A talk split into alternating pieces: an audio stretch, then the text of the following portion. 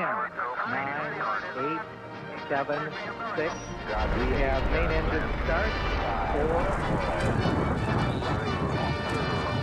And liftoff. Halo, halo, Paulina Kirszke, podcast Kobiety jak rakiety. I wreszcie mi się udało, bo jest z nami ktoś zdecydowanie najbardziej kosmiczny ze wszystkich moich gościn, e, dr Anna Łosiak. Dobry wieczór. Dobry wieczór. Jesteśmy no nie międzyplanetarnie, nawet nie międzykontynentalnie, ale ja w Poznaniu, a ty jesteś na Uniwersytecie w Exeter. Exeter, tak, w południowej Wielkiej Brytanii. Od kilku tygodni e, wróciłam do laboratorium, e, gdzie badam, co się dzieje, jeżeli asteroida zderzy się z Ziemią, a dokładniej badam ciała organizmów ukatrupionych przez taką asteroidę. No właśnie, bo jesteś geolożką planetarną, geologiem planetarnym, jak to woli, e, również e, impaktologiem, e, z czego wnioskuję, że ta nazwa to właśnie to, o czym mówisz, czyli co się dzieje, jak już coś w nas, mówiąc brzydko, przywali. I zresztą ja przeczytałam, że właśnie twoje naukowe zainteresowanie to jest bardzo specyficzne, bo to oglądanie miejsc na Ziemi, w które przywaliła asteroida. Dokładnie tak. E, na Ziemi mamy takich miejsc, o których wiemy, że, że coś takiego miało miejsce, około 200 sztuk obecnie. Powoli ta liczba wzrasta, ale o tym, jak istotna jest e, jak istotny jest ten proces zderzania się ciał niebieskich, można się bardzo łatwo przekonać, e, jeżeli ktokolwiek ma coś powiększającego, mały teleskopik e, i zerknie na powierzchnię e, Księżyca. Dlatego, że cała powierzchnia Księżyca jest po, po prostu zasłana różnymi kraterami uderzeniowymi. Niektóre z nich widać nawet gołym okiem. To są te takie ciemne, jak, jak spojrzycie na, e, na powierzchnię Księżyca, to on się składa z takich jaśniejszych, ciemniejszych plam i te ciemniejsze są generalnie rzecz biorąc takie okrągławe. Troszkę to są zniekształcone kółka, ale generalnie rzecz biorąc są koliste te ciemniejsze placki i to są właśnie takie gigantyczne, gigantyczne, kilkuset kilometrowe kratery uderzeniowe, które są bardzo, bardzo stare. W czasie, kiedy one powstawały na Ziemi, e, w którą trafiały dokładnie takie same asteroidy w tym samym czasie, było, e, żyły co najwyżej jakieś jedno, jednokomórkowe bakterie, więc Średnio można je podpytać, co tam się wydarzyło, prawda? Tak, tak. Albo można zapytać kamieni, które czasem dotrwały do, naszej, do naszych czasów i e, dzięki którym możemy mieć właśnie wgląd w to, e, co potencjalnie mogłoby nas czekać, jeżeli e, coś podobnego mogłoby się zdarzyć teraz albo w przyszłości. Wiemy na pewno, że y, takie rzeczy już się działy i, i nasza Ziemia była wielokrotnie uderzana przez różnej wielkości y, ciała niebieskie, które trafiały w nią. Y, chociażby właśnie po takim uderzeniu wyginęły dinozaury, prawda? A, a, a ty a ty y, przeczytałam, że lubisz być w terenie i młotkiem i łopatą wydzierać tajemnice natury. Co można wydrzeć tym y, młotkiem i łopatą, właśnie wydłubując i badając y, kratery pouderzeniowe? No, na przykład można się dowiedzieć, e, co w nas uderzyło, e, czyli co to za asteroida była, dlatego że różne asteroidy mają różne e, właściwości i fizyczne, i chemiczne, i wpływa to typ asteroidy wpływa na to, czego możemy się, e, czego możemy oczekiwać mm, w wyniku takiego zderzenia.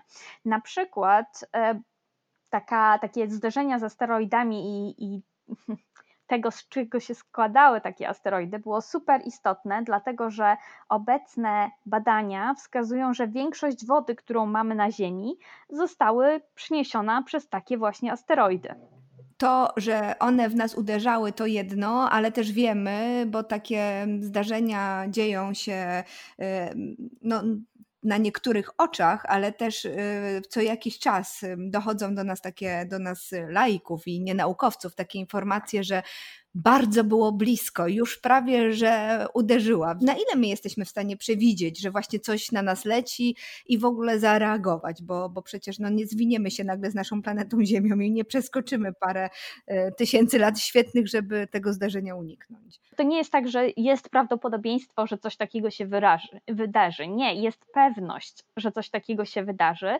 Zresztą właśnie co jakiś czas e, natura nam o tym e, przypomina. Najmłodszy krater uderzeniowy na Ziemi, jaki znamy, powstał w 2007 roku, czyli zaledwie 13 lat temu. Gdzie nas trafiło? Trafiło nas w Peru. E, to był trochę nietypowa sytuacja, dlatego że zderzyła się z Ziemią e, ta niewielka, bardzo malutka asteroidka na wysokości 5 e, kilometrów, czyli bardzo wysoko nad powierzchnią morza, w związku z czym nie zdążyła jakby się rozpaść jeszcze na kawałki, dlatego że normalnie, jeżeli na przykład trafiłaby gdzieś w Warszawę, powiedzmy, skończyłoby się tak jak w Czelabińsku, a najprawdopodobniej to znaczy ta asteroida rozpadłaby się, na, wybuchłaby w atmosferze i rozpadła na wiele mniejszych kawałków, które również mogą spowodować gigantyczny mm, bałagan i mogą, tak jak w Czelabińsku to miało miejsce, uszkodzić bardzo poważnie ponad 1500 osób, ale nie spowodują powstania, wulkan, powstania krateru uderzeniowego. Czyli jeżeli nie bylibyśmy tam prawda, w tym Czelabińsku e, i nie bylibyśmy albo nie, nie mierzylibyśmy e, satelitami tego typu e, wydarzeń, to nie mielibyśmy o tym pojęcia. Ale jesteśmy w stanie przewidzieć, że coś do nas się zbliża i, i wiedzieć o tym jakiś czas wcześniej? Czy to jest tak jak ta ostatnia ubiegłoroczna sytuacja, kiedy w zasadzie zostaliśmy nieco zaskoczeni, mam wrażenie, tym, że zaraz coś w nas uderzy?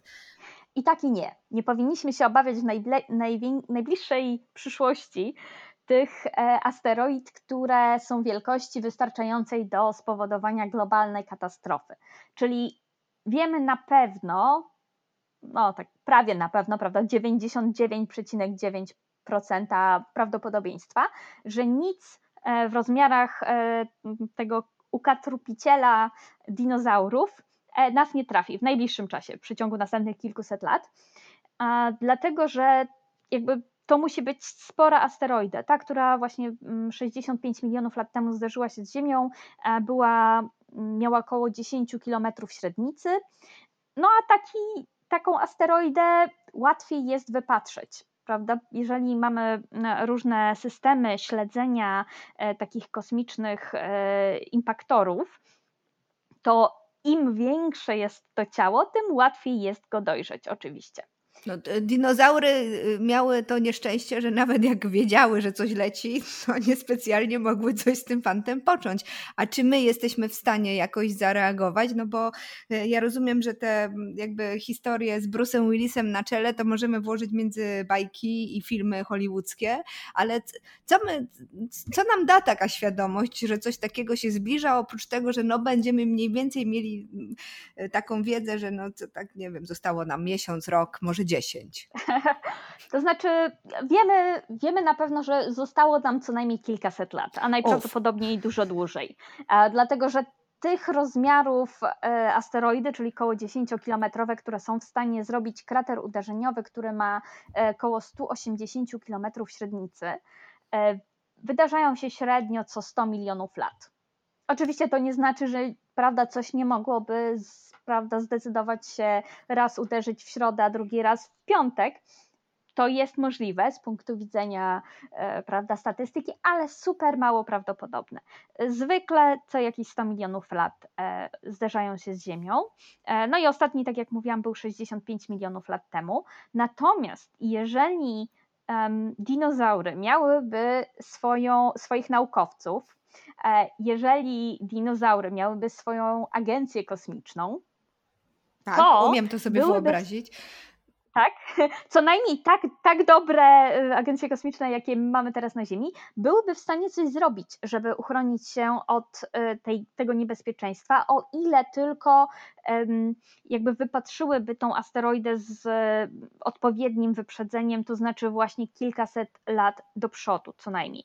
Dlatego, że wtedy wystarczy wysłać na taką nawet sporą asteroidę kilka niewielkich statków kosmicznych, które będą bardzo powoli przepychać tą tą asteroidę na odrobinę inny tor, tak żeby nie trafiła mhm. w Ziemię, tylko przeleciała kawałek dalej. I ile I wcześniej ile... właśnie powinniśmy o tym wiedzieć, że coś takiego się do nas zbliża? Im większa asteroida i im szybciej się porusza, tym, tym większe wyprzedzenie. E, ale, ale powiedzmy, że, że kilkaset e, lat, nie wiem, 300 lat, 500 lat najlepiej, e, to już można coś z tym zrobić. Okej, okay, czyli na razie mamy spokój, przynajmniej jeśli chodzi o takie duże, bo tych mniejszych. Jeżeli jak, tak. Mhm. Tych mniejszych, jak rozumiem, wypatrzeć tak łatwo no, nie jest, no bo są po pierwsze mniejsze, a po drugie jeszcze mogą z różnych kierunków do nas nadlatywać. I jeżeli robią to z kierunku słońca, no to siłą rzeczy ani my, nasze oko, ani aparaty, no tak szybko też je nie dostrzegą. Dokładnie tak. E, na tym niestety polega problem i e, taki był problem z Czelabińskim, który, e, tą asteroidą bolidem Czelabińskim, który pojawił się zupełnie z nienacka, dlatego że jakby nie została wypatrzona, to, była, to było maleństwo, to było 20 metrów średnicy, taki no, wielkości autobusu, no, jakby autobus był okrągły. Jeżeli na przykład mielibyśmy taką asteroidkę, która e, miałaby powiedzmy 100 metrów, 50 metrów nawet średnicy, to ona może zrobić dziurę o średnicy e, ponad kilometra. To jest tak naprawdę jedno z takich maleństw kraterkowych, są dużo większe. Największy krater na Ziemi ma 300 e, km, czy miał na początku 300 km średnicy, więc ten jednokilometrowy to, to jest takie maleństwo, ale nie zmienia to faktu, że cała okolica do odległości jakichś 40 km od punkta, punktu zderzenia e, byłaby kompletnie zniszczona i większość ludzi, która e, byłaby i zwierząt, która byłaby w tym miejscu, albo by zmarła dosyć szybko, albo zostałaby potwornie pokaleczona. Teraz już nie robi się tak w większości przypadków, że y, jakby naukowcy siedzą i, i się gapią w to niebo. Na szczęście teraz już jest e, większość e, systemów jest automatyczna, dlatego że po prostu to są tysiące, dziesiątki tysięcy ciał, które muszą być śledzone, kalkulowane na bieżąco. To porozmawiajmy e, teraz o tej małej Ani, która e, leżała na trawie i gapiła się w niebo. Jak zaczęła się ta historia? No bo przecież nie sądzę, żebyś pomyślała sobie w którymś momencie swojego życia, mając lat, nie wiem, 12, zostanę impaktolożką. No nie, nie. Ja się raczej z, jako mała Ania patrzyłam nie w niebo, tylko patrzyłam w podłogę, w ziemię. Jest tam całe mnóstwo różnych ciekawych kamieni, skamieniałości, e, rzeczy, które mogą być e, super przydatne do tego, żeby mm, zrobić e, garnek, żeby skrzesać ogień, żeby zbudować dom. Więc kamienie i to, jak, jak to wszystko działa jako system, zawsze mnie niesamowicie fascynowało. I tak Czyli co, miałaś kieszenie pełne kamieni, przynosiłaś do domu, wrzucałaś na biurko i oglądałaś? To właśnie ten typ? O tak, o tak, zdecydowanie. E, tak, u mojej siostry, y, która mieszka obecnie na wsi, nadal jest y, mój gigantyczny zbiór super ważnych kamieni, y, które zostały teraz na szczęście przejęte przez moich siostrzeńców więc e, robią z tego dobry użytek. E, ale tak, tak, to, to zawsze tym się interesowałam i w związku z tym e, studiowałam najpierw geografię fizyczną, która jest takim, taką geologią współczesności, czyli pozwala zrozumieć, w jaki sposób działa system Ziemi, w obecnej chwili. E, później skończyłam e, dzięki e, stypendium Fulbrighta, udało mi się wyjechać do Stanów Zjednoczonych i tam udało mi się już połączyć taką fascynację kosmosem, z, która przyszła troszkę później po fascynacji kamieniami, dlatego że robiłam magisterkę drugą z geologii, a dokładniej z meteorytów, czyli zajmowałam się badaniem meteorytów. I w tym czasie też zdarzyła się jedna z najfajniejszych rzeczy w moim życiu, a mianowicie dostałam się na staż do e, Lunar Planetary Institute. E, to jest taka, mm, taki instytut badawczy przy NASA w Houston, czyli z tego miejsca, gdzie e, budowali większość różnych rakiet, gdzie szkolili się astronauci i, i, gdzie nadal się buduje całe mnóstwo różnych fajnych rzeczy i dzięki temu udało mi się zainteresować właśnie kraterami uderzeniowymi, głównie wtedy na Księżycu. E, ale od tego czasu byłam już e, całkiem e, zainteresowana właśnie kraterami uderzeniowymi, a jak jak już się dowiedziałam, że są jeszcze w dodatku jakieś na Ziemi, w związku z czym nie tylko muszę siedzieć w laboratorium, na czym zwykle podlega badanie meteorytów właśnie, po tym, jak już prawda, jakieś coś spadnie, to bierzemy to szybko, łapiemy jak tylko się da, zbieramy z powierzchni, idziemy do laboratorium i później torturujemy na wszelkie możliwe sposoby. Nie, nie, nie. W przypadku kraterów uderzeniowych trzeba, nie tylko można, ale trzeba iść w teren. I to jest właśnie też, co, e, co ja bardzo lubię.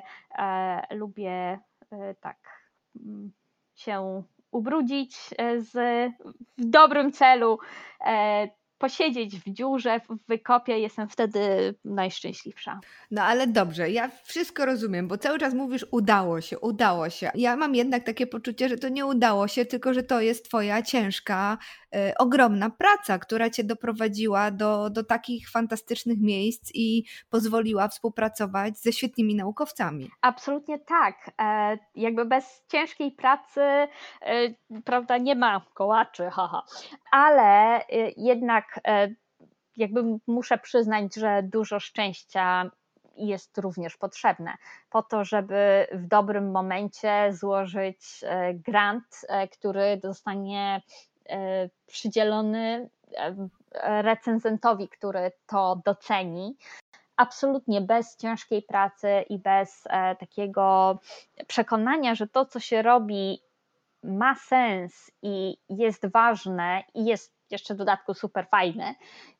Nie da się niczego zrobić, ale jest bardzo dużo ludzi, którzy ciężko pracują, którzy, mm, którzy też mają to wszystko, natomiast zabrakło im w jakimś momencie odrobiny, um, odrobiny szczęścia, żeby prawda, mieć łatwiej i dostać się do tych różnych rzeczy. Dlatego też zawsze się staram e, prawda, pomagać, o ile tylko mogę, e, ludziom zainteresowanym pod, podobnymi rzeczami i delikatnie pchać w kierunku e, geologii planetarnej, ponieważ jest to fascynujące zjawisko i e, fascynujący temat i potrzebujemy więcej osób, które się tym zajmą. Po to, żebyśmy nie wyginęli jak dinozaury. Wrócę do tego, gdzie teraz jesteś, bo jesteś na uniwersytecie, jak już powiedziałyśmy, w Exeter, gdzie jesteś dzięki programowi Maria Skłodowska-Curie finansowanemu przez Unię Europejską dla takich ludzi, którzy są już po doktoracie i dostałaś grant na prowadzenie własnego projektu. I myślę, że to też jest bardzo ważne, bo bardzo wielu młodych naukowców bardzo długo czeka na, na taką szansę, aby, e, aby samemu coś zacząć działać, być swoim swoim własnym szefem, szefową i nie mieć nad sobą tej struktury, która szczególnie uciążliwa wydaje mi się na polskich e, uczelniach. No ja myślę, że bez e, struktury to jakby e, nie, nigdy nie uciekniemy ostatecznie przed strukturą, chociaż ja się bardzo staram. ale mam, mam świadomość tego, że od czasu do czasu się ze mną struktura tutaj puka mnie w plecy i mówi, a kuku, tu jestem. Więc to, to różnie bywa, ale tak, rzeczywiście. Znowu miałam super szczęście i super dużo pracy włożyłam w to, żeby dostać to stypendium, które jest no nie chwaląc się, bardzo prestiżowe i takie też bardzo fajne z punktu widzenia wolności, które daje. tak e, jakby do podejmowania tych pytań, które nas interesują, ale też, też pod względem e, finansowym, który niestety mam wrażenie, że, że w Polsce jest często zapominany, dlatego że zakłada się, że młodzi naukowcy będą po prostu żyli tylko ideą i e, w prawda, w moim instytucie y, byli młodzi naukowcy, którzy zarabiali, nie wiem, dwa tysiące na rękę dosłownie. Tak, czyli idea i ewentualnie woda i chleb, to, to może na tyle starczy. Tak, tak. No taki czerwcy, czerwcy chleb, prawda. prawda, wyłudzany dla konia, zjadany samo, tak. samodzielnie, tak. Um, więc za, za takie pieniądze nie bardzo jesteśmy w stanie ściągnąć najbardziej naj, najbardziej inteligentnych, najbardziej rzutkich, najbardziej zaangażowanych ludzi do nauki polskiej, dlatego po prostu, że e, wystarczy zatrudnić się w biedronce przysłowiowej, żeby zarabiać więcej na wejściu. Więc e, jest to dosyć, jest to bardzo przykre moim zdaniem. I jeżeli chcemy mieć dobrą polską naukę, to to musi się zmienić niestety. Naukowcy, dobrzy naukowcy, ale ogólnie naukowcy muszą więcej zarabiać. Po to, żebyśmy, tak, po to, żebyśmy mogli chronić nas wszystkich przed losem e, dinozaurów, czy też przed e, różnymi drobnoustrojami, które. Tak, które nam psują krew ostatnio dość mocno. Ale po, po opowiadaj mi trochę w takim razie, co, co w tej chwili robisz. Jak wygląda ten Twój projekt, którym się w tej chwili zajmujesz? Bo wspomniałaś trochę na początku, ale, ale poopowiadaj coś więcej. Tak, więc wszystko zaczęło się E, w 2014 roku, więc to powinno pokazać, jak długo tego typu projekty trwają i jak długo zabiera, żeby od znalezienia czegoś ciekawego, żeby przejść do obrabiania tego w odpowiedni sposób. Więc zaczęło się od tego, że e, pojechałam w teren e, razem z, ze znajomymi, którzy byli profesorami uznanymi, dlatego że przekonałam ich, że koniecznie powinniśmy kopać w tym oto kraterze e, w Estonii, dlatego że tam na 100% będzie paleogleba pod e, materiałem wyrzuconym z krateru. Super dobry temat, żeby wreszcie e, rozwiązać zagadkę tego, ile ten krater ma lat super dobry pomysł, prawda? Tam było około sześciu osób, którzy, którzy tutaj mieliśmy wszyscy razem pracować nad, nad tym moim pomysłem. E, I pojechaliśmy w teren, zaczęliśmy kopać.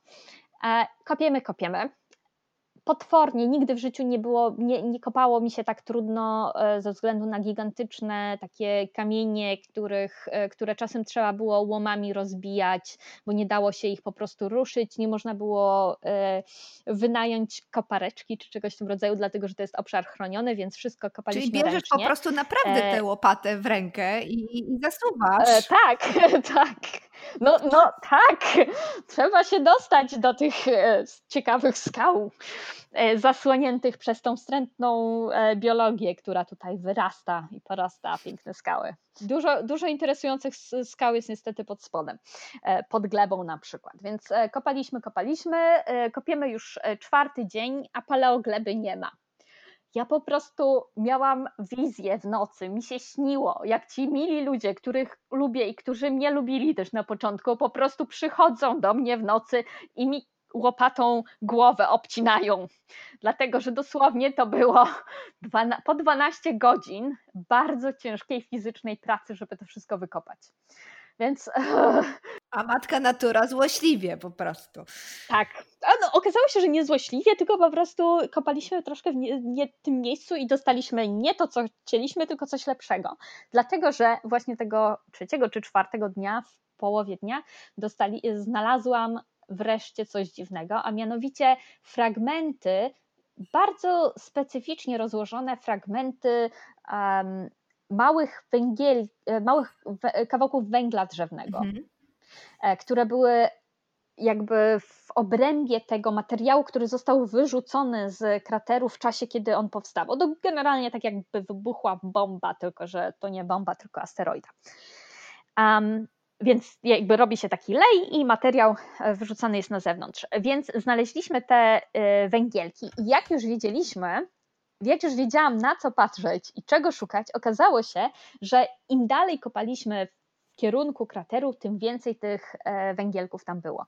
I od tego wszystko się zaczęło. Od tego czasu e, jednym z takich moich głównych tematów jest właśnie dłubanie w e, tych węgielkach, a dokładnie sprawdzanie, w jaki sposób zginęły od asteroidy te fragmenty lasu. No, to, to był tak, taki las świerkowy, który został w jednej chwili no, na niezbyt dużym obszarze, ale jednak unicestwiony przez tą niewielką asteroidę. Czyli znaleźliście coś, czego się nie spodziewaliście, i od tego czasu, czyli 2,14, 2,20 mamy, 6 lat, mhm. Y, cały czas zajmujesz się y, tymi y, badaniem tych właśnie szczątków lasu, który został. Dokładnie tak. Dokładnie tak. Ci, Dlatego, i, że... I, co, co, co, ci tam wychodzi, Aniu, w tych badaniach, tych węgielków? Więc po pierwsze, byliśmy w stanie powiedzieć, że y, kiedy dokładnie zostały ukatrupione te drzewa, to znaczy kiedy powstał krater, dlatego że wcześniej różne estymacje y, wieku krateru y, różniły się o 7000 lat. I jak na bardzo młody krater, jakim jest krater Kali w Estonii, to jest zaskakująco absurdalna rozbieżność czasowa. Więc udało nam się stwierdzić dzięki datowaniu C14, kiedy dokładnie powstał krater, kiedy zginęły te, y, te drzewa. E, tą rzeczą, którą się zajmuję teraz, to jest sprawdzanie, czy te węgielki można znaleźć też w innych miejscach to jest coś, co możemy użyć do stwierdzenia po pierwsze, jak bardzo gorąco, jak bardzo nieprzyjemnie jest w, w takim miejscu, w którym uderza stosunkowo niewielka asteroida. E, po drugie, jesteśmy w stanie być może dzięki temu e, udowodnić, że jakieś dziury w ziemi, które wyglądają no, niby dziwnie, ale, ale w sumie tak nieoczywiście, e, są rzeczywiście kraterami uderzeniowymi. Rozumiem, że śledzisz y, teraz te węgielki na całej kuli ziemskiej, ale chciałabym wrócić jakby do tego, żebyś nam wytłumaczyła też troszkę, dlaczego to jest takie ważne. E, powiedziałaś, że jesteśmy w stanie oszacować, jak bardzo nieprzyjemnie i gorąco jest w takim, e, w momencie, kiedy w coś, coś w nas trafia. Po drugie, rozumiem, że mm, wiedząc, co ile lat ma taki krater, jesteśmy też e, w stanie określić właśnie prawdopodobieństwo tego, że teraz, czy może za 10, czy za 100, czy za 150 coś w nas trafi, ale co, co jeszcze się, do, czego jeszcze się dowiadujesz, badając e, kratery i sprawdzając, e, co tam w nich drzemie? Na przykład tego, jak to znowu takie bardziej praktyczne zastosowanie, jak duży obszar należy ewakuować ludzi, jeżeli dowiemy się dzięki tym naszym automatycznym wyliczeniom, że zbliża się do nas e, asteroida, która ma powiedzmy 50 metrów czy 30 metrów. Czy powinniśmy ewakuować e, całe województwo, czy może powiat, czy gmina wystarczy, jeżeli już wyliczymy, gdzie dokładnie uderzy? Więc to jest jedna z takich bardzo praktycznych e, rzeczy, którą możemy się dowiedzieć, ale bardzo ważną rzeczą jest też taka ogólna wiedza na temat tego, jak przebiega proces, jeden z najważniejszych procesów mhm. geologicznych e, na, w naszym układzie słonecznym, a też najprawdopodobniej e, na we wszystkich innych układach słonecznych, jakie kiedykolwiek znajdziemy. Dlatego, że rzeczy ciała niebieskie nieustannie się ze sobą zderzają i musimy po prostu dokładnie zrozumieć, w jaki sposób to zachodzi, po to, żeby na przykład zrozumieć, jak wygląda geologia Marsa, jak wygląda geologia Księżyca. Bez tego nie będziemy w stanie kiedykolwiek się tam wybrać w bezpieczny sposób. Dlatego, że tylko jeżeli zrozumiemy, w jaki sposób e, powierzchnie tych ciał niebieskich i wszystkich innych, e, no, wszystkich innych, które posiadają mhm. twardą powierzchnię, więc Jowisz, Saturn się nie liczą. E, w jaki sposób e, te ciała niebieskie, mm, skaliste ciała niebieskie e, były zmieniane przez nieustanne bombardowanie przez inne ciała niebieskie.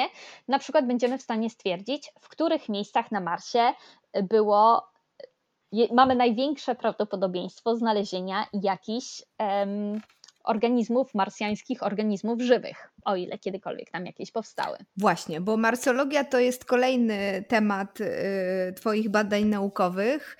Y, teraz odłożony trochę na półkę z uwagi na te kratery, czy to się toczy równocześnie? To znaczy, ja zawsze pracuję nad kilkoma różnymi e, projektami równolegle, dlatego że to wszystko, jak zresztą większość naukowców, dlatego że po prostu to wszystko zawsze zabiera super dużo czasu. E, nawet jeżeli nie mamy prawda, nieoczekiwanych e, problemów e, pandemicznych, to zawsze się zdarzają jakieś nieoczekiwane problemy z różnych innych kierunków. Opowiedz mi o tym Marsie, bo to jest druga rzecz, która jest niezwykle ciekawa.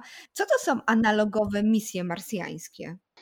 To są takie misje, które mają za zadanie przetestować różne aspekty E, misji, przyszłych misji marsjańskich, e, tak żeby się lepiej do, te, do nich przygotować. E, to znaczy nie, prawda, nie wysyłamy ludzi na rzeczywistego Marsa, to trochę jest jeszcze chwilowo nie, nierealne, ale za to na przykład możemy testować niektóre urządzenia, które y, na Marsa później polecą. Na przykład Austrian Space Forum to jest taka instytucja, z którą jestem związana e, od czasów moich studiów e, w, na Uniwersytecie Wiedeńskim, e, która organizuje właśnie takie analogowe misje marsjańskie, gdzie zestaw astronautów, to znaczy ludzi, którzy zawsze wychodzą tylko i wyłącznie w strojach kosmicznych, wykonuje pewne działania, które, e, dzięki którym e, na przykład jesteśmy w stanie lepiej zrozumieć, e, w jaki sposób ludzie działają, poruszają się w skafandrach kosmicznych. W związku z czym nie będziemy na przykład zakładać, że, że człowiek w skafandrze kosmicznym e, na Marsie już będzie w stanie, e, nie wiem, przebiec 20 kilometrów, e, przynieść 30 kilogramów skał i wrócić z nimi w ciągu jednego dnia, dlatego że po prostu praca w takich skafandrach jest dużo bardziej obciążająca niż, niż mogłoby się wydawać. Więc dokładne zrozumienie, jak, jak bardzo nas to obciąża, jak, jak dużo gorzej na przykład jesteśmy w stanie obserwować e, skały, które nas otaczają, e, jest bardzo istotne. Kolejna rzecz jest taka, że chociaż moje serce krwawi, niestety muszę przyznać, że nie wszyscy astronauci, którzy polecą na Marsa, będą geologami a już na pewno nie geologami planetarnymi.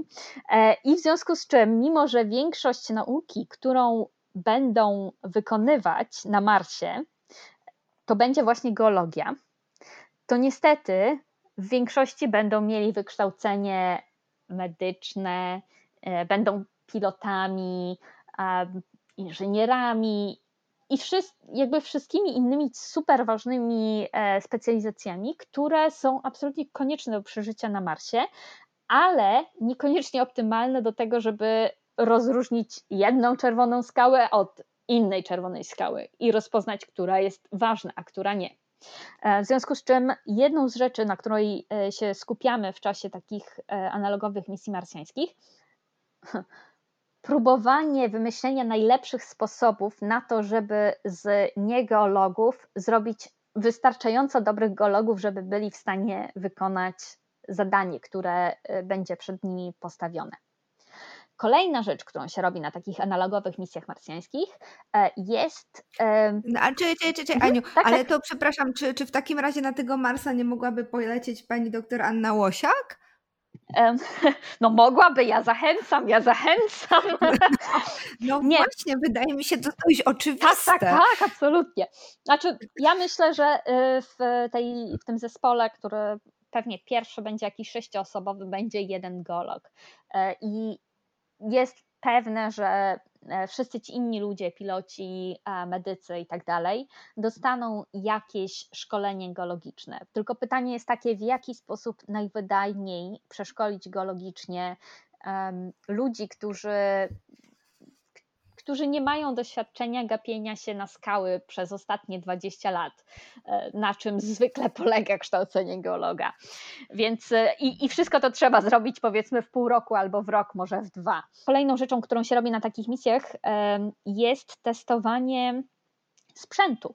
E, I na przykład jeden z urządzeń, które będzie lecieć, miejmy nadzieję, za dwa lata na Marsa w ramach Europejskiej Agencji Kosmicznej, łazika Europejskiej e, Agencji Kosmicznej, on się chyba Rosalind Franklin nazywa już teraz e, oficjalnie, ma na sobie taki georadar, czyli takie urządzenie do patrzenia, co jest pod powierzchnią Ziemi bez konieczności kopania które testowaliśmy. E, testowaliśmy w dwa, ponad 10 lat temu.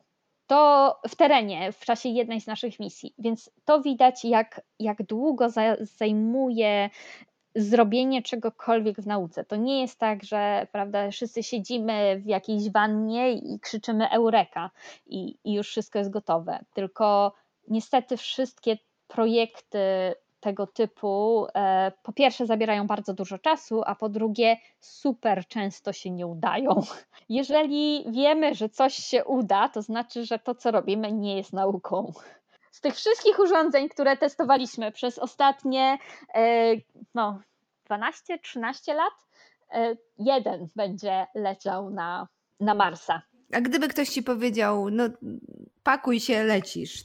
Znaczy, e, ja bym najpierw zapytała jednak o warunki, bo to mi się wydaje, wiedząc to, co wiem o, o całym tym biznesie, to by było, to by mi się wydawało niezwykle podejrzane.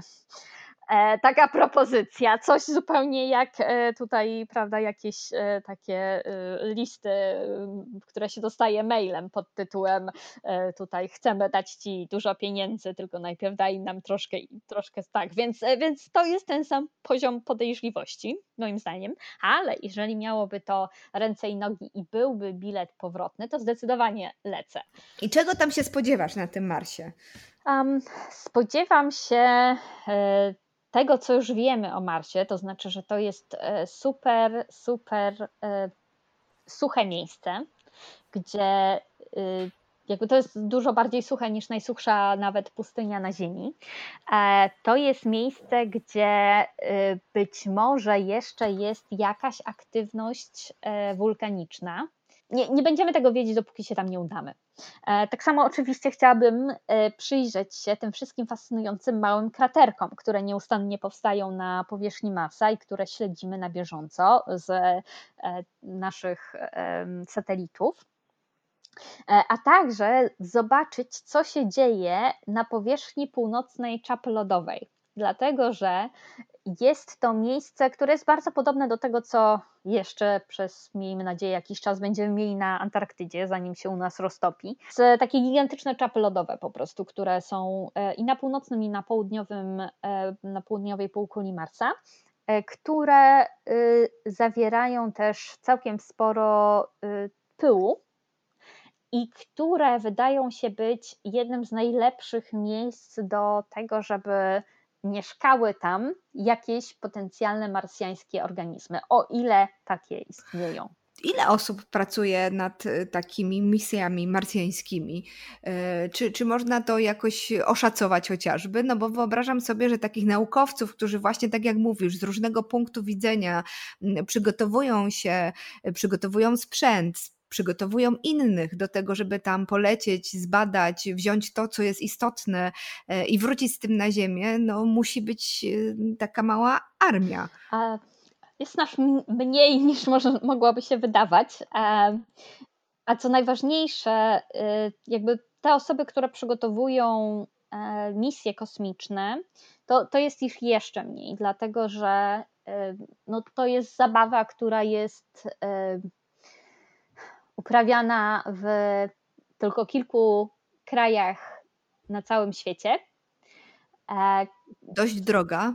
Tak, bardzo droga, e, która. No i w związku z czym jest po prostu nie, nie aż tak dużo ludzi, którzy zajmują się jakby samym budowaniem e, tych urządzeń. Natomiast jest sporo ludzi, znaczy sporo, powiedzmy na całym świecie, nie licząc Chin, bo nie mamy dobrego zrozumienia tego, co się dzieje w Chinach i ile osób e, nad tym wszystkim pracuje, e, w, w tak zwanym świecie zachodnim, szeroko rozumianym, wliczając Indię i tak dalej, e, powiedziałabym, że, że geologami planetarnymi jest może 10 tysięcy osób, ale oczywiście jakby wszyscy jesteśmy jakby podzieleni na jeszcze mniejsze kawałeczki, to znaczy ludzi, którzy zajmują się tak e, hardkorowo e, kraterami uderzeniowymi jest powiedzmy może 100 osób. Może, Czyli może bardzo 200. elitarne i, wąs, i wąskie y, grono.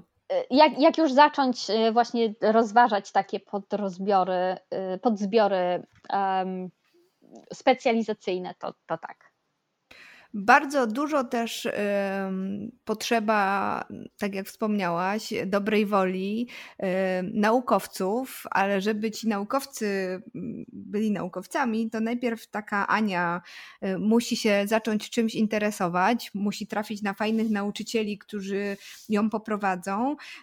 Ja mieszkam w Poznaniu. Obok mamy jeden z niewielu miejsc, w które był uprzejmy w Europie uderzyć uderzyć, uderzyć asteroida i, i mamy meteoryt Morasko. I od wielu lat zastanawiam się nad tym, dlaczego tutaj nie powstało już jakieś wielkie centrum kosmiczne, e, które by naprawdę w fantastyczny sposób zachęcało dzieciaki do tego, żeby zostać geologiem, żeby patrzeć i w ziemię, i w niebo. Cały czas mam wrażenie, że w Polsce brakuje nam takiej smykałki do tego, żeby naukę świetnie sprzedawać. No, to, to jest niestety też moja bolączka i to dosłownie dlatego, że za każdym razem jak jestem w Poznaniu, a jestem dosyć często właśnie ze względu e, na e, cudowny krater Morasko, e, za każdym razem po prostu masochistycznie idę do różnych punktów informacji turystycznej w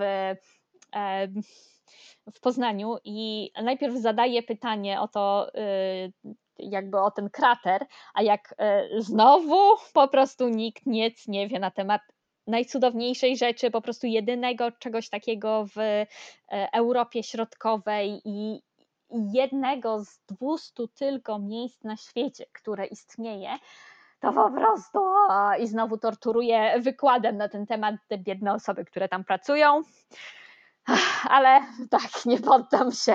Za którymś razem ktoś mnie poinformuje, że ten, to morasko tam jest i wtedy po prostu umrę szczęśliwa. To jest właśnie to, co mnie denerwuje i, i czego nie, nie umiem sobie wytłumaczyć, jak mając w zasadzie dane, prawda, od natury, takie miejsce, położone na tacy, wręcz proszę zróbcie coś, my właśnie kompletnie nie umiemy wykorzystać tego, a przecież taki krater i to, co wokół tego można by zbudować, było byłoby absolutnym hitem, jeśli chodzi chociażby o turystykę. Już pomijając y, propagowanie nauki, co by też było przecież absolutnie niezwykłe, że dzieciaki by mogły popatrzeć na to no, po prostu swoimi własnymi oczyma, dotknąć, zobaczyć, nawet palec zanurzyć w tej wodzie, która tam się teraz zbiera. Tak, znaczy ja wiem, że e, profesorowie, szczególnie profesor Muszyński z z Poznania od wielu lat e, lobbuje za powstaniem właśnie e, czegoś, o czym mówisz. No ale tam wszystko się rozbija, no wiadomo o co, no bo jak nie wiadomo o co chodzi, to, to, to wiadomo, ale z drugiej strony budujemy przecież yy, lotniska, prawda, z pieniędzy unijnych, masę innych rzeczy, które, yy, które niekoniecznie są potrzebne, no bo 15 basen w okolicy być może jest fajną wizytówką gminy, ale, ale może lepiej by było jednak yy, trochę polobować. I tu jest takie moje pytanie, czy, czy, czy jakby my nie czujemy tej nauki? E, ja myślę, że dużo ludzi niestety jest e, straumatyzowanych e, ideą nauki jako takiej e, w wyniku złego sposobu nauczania nauk przyrodniczych, matematyki, fizyki, chemii e, i geografii e, w szkole, niestety. W związku z czym takie. Czyli ciągle wracamy do tego samego punktu, że po prostu szkoła. No tak, tak. Ja, ja myślę, że konieczne jest e, zmienienie planu nauczania, e, dlatego że obecny system jest absolutnie przeładowany faktami do zapamiętania, natomiast zupełnie, zupełnie nie informuje o tym i nie pokazuje na takim praktycznym przykładzie, to znaczy czymś, co dzieci same mogą zrobić, jak tak naprawdę działa nauka. W związku z czym to jest początek, moim zdaniem, bardzo wielu różnych problemów, e, które obecnie mamy w, w naszym społeczeństwie, nie tylko w naszym, na świecie. A dlatego, że ludzie zupełnie nie rozumieją, jak działa nauka i to, że nauka nie polega na, na to nie jest encyklopedia, to nie jest zbiór faktów, które mamy i które, których należy się nauczyć na pamięć, wtedy jesteśmy super naukowcami. Nie. Nauka polega na tym, że nieustannie szukamy dziury w całym. Nieustannie szukamy tych kawałków rzeczywistości, w których, o których nie wiemy, w których coś jest nie tak. I dlatego też często popełniamy błędy, jakby zmieniamy zdanie, dlatego że jeżeli, powtórzę to, co już powiedziałam w ciągu tego wywiadu, jeżeli robimy, jeżeli wiemy, jaki będzie rezultat danego eksperymentu, nie ma sensu go robić. Jest sens robienia eksperymentu tylko jeżeli nie wiemy, co nam wyjdzie. Co oczywiście prowadzi czasem do y, jakby zaskakujących e, stwierdzeń, do, do tego, że coś, coś się zupełnie zmienia. I to jest dobre, i to jest część nauki, to jest część postępu. Natomiast niestety e, wydaje mi się, że w, w szkole wymaga się właśnie takiego no, zakucia na pamięć, co oczywiście zaraz e, momentalnie wyskakuje drugim uchem po tym, jak wpadło pierwszym.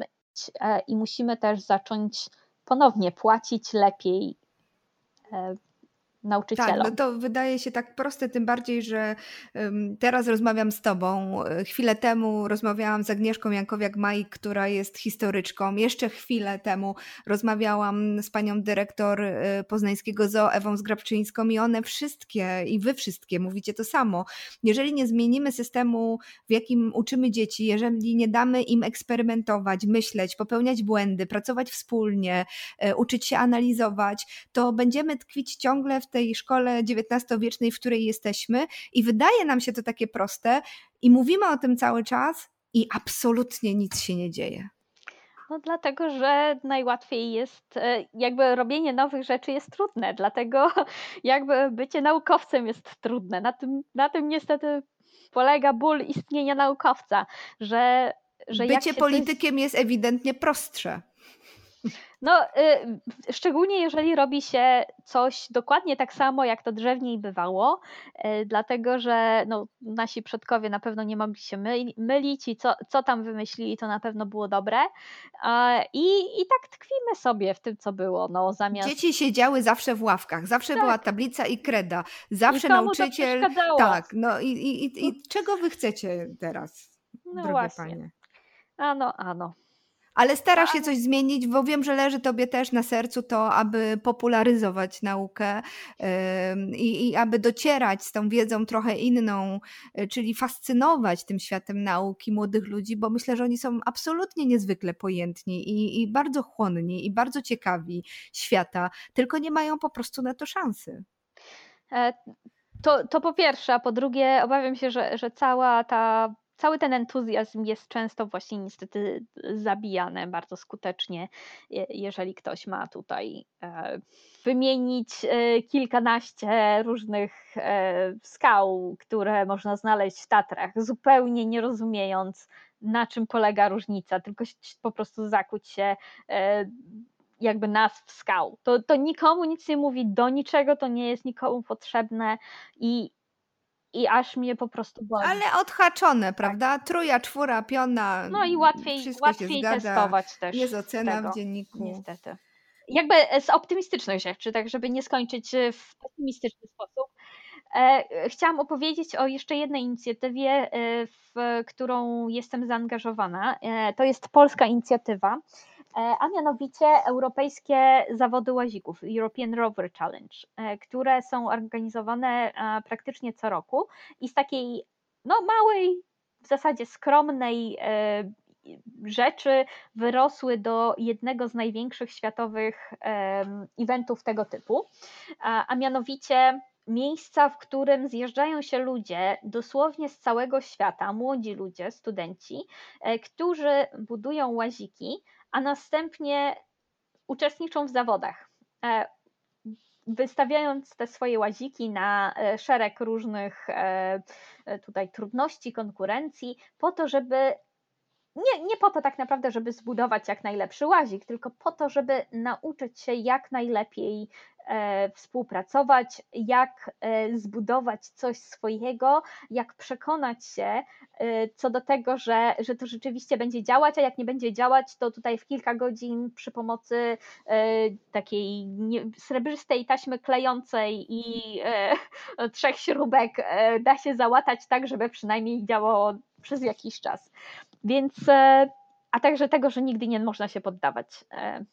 Więc jest to niesamowita impreza. No teraz e, trochę nam e, pandemia znowu pokrzyżowała szyki, ale nadal zapraszamy w, we wrześniu do e, Kielc, gdzie będą się ścigać trochę zdalnie, trochę na żywo łaziki z pięciu różnych kontynentów pierwsze uczestnictwo y, przez polski zespół w, w, tego typu zawodach to było, nie wiem, chyba 15 lat temu, e, kiedy to Magma White, e, taki zespół zło, zrobiony z ludzi, którzy po prostu absolutnych szaleńców, którzy pomyśleli, tak, my zbudujemy łazika, bo czemu nie, i pojedziemy e, na pustynię w w Stanach Zjednoczonych e, ścigać się z najlepszymi e, tutaj e, zespołami studenckimi z MIT. Zajęli naprawdę super miejsca i od tego czasu obecnie to, to jest wręcz wstyd dla Politechniki, jeżeli nie ma polskiej Politechniki, jeżeli nie ma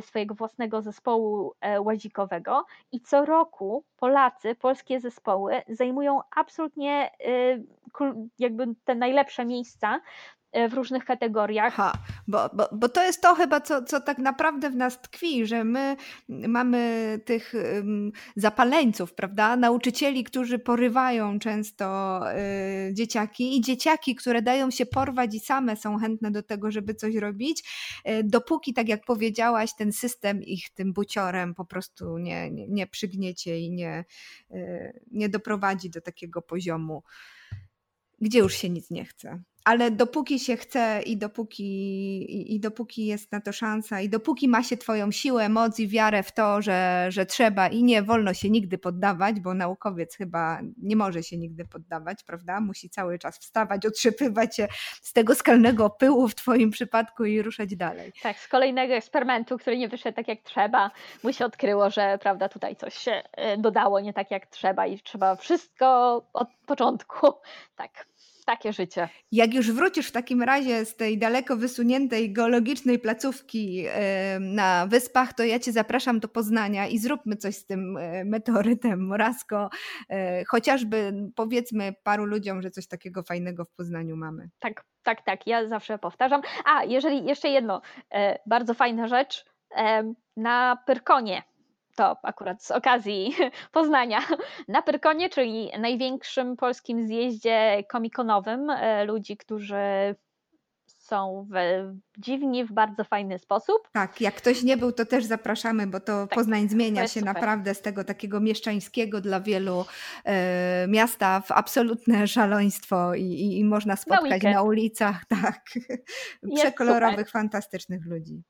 Ale nie wiem, czy wiesz, ale Pyrkon przy okazji dzięki pracy zafascynowanych nauką i właśnie fantastyką e, koordynatorów e, w ciągu kilku lat stał się drugim największym festiwalem popularno-naukowym. Tak, dlatego że jest to naprawdę niesamowite doświadczenie, dlatego że to pokazuje, że, że właśnie można użyć jakichś rzeczy, które ludzi interesują, do tego, żeby zasiać zrozumienie różnych innych tematów, w związku z czym e, być może e, opowiadanie o prawda, utworzeniu planet i, i tego, jak tutaj dysk protoplanetarny wirował, to może niekoniecznie jest super fascynujące, ale jeżeli to się ubierze, prawda, w taki um, ubranko, tutaj stwórz swoją własną planetę, więc co trzeba zrobić, żeby zaplanować e, swój własny świat, to jest coś, co, co ludzi złapie.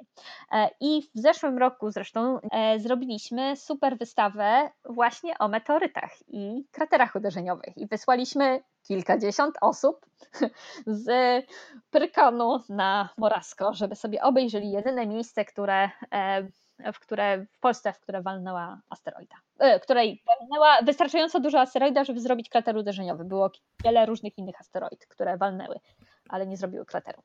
I mamy to wszystko tuż pod, y, y, w Poznaniu, tuż no, myślę, że nie wiem, z pół godziny, 20 minut od centrum, e, autobusem od centrum miasta, autobusem, więc nie dosyć, że proszę, kolebka polskości, to jeszcze meteoryty w nas trafiały. Dokładnie, dokładnie. 5 tysięcy lat temu. Bardzo, bardzo e, Tobie dziękuję. Doktor Anna Łosiak była moim gościem.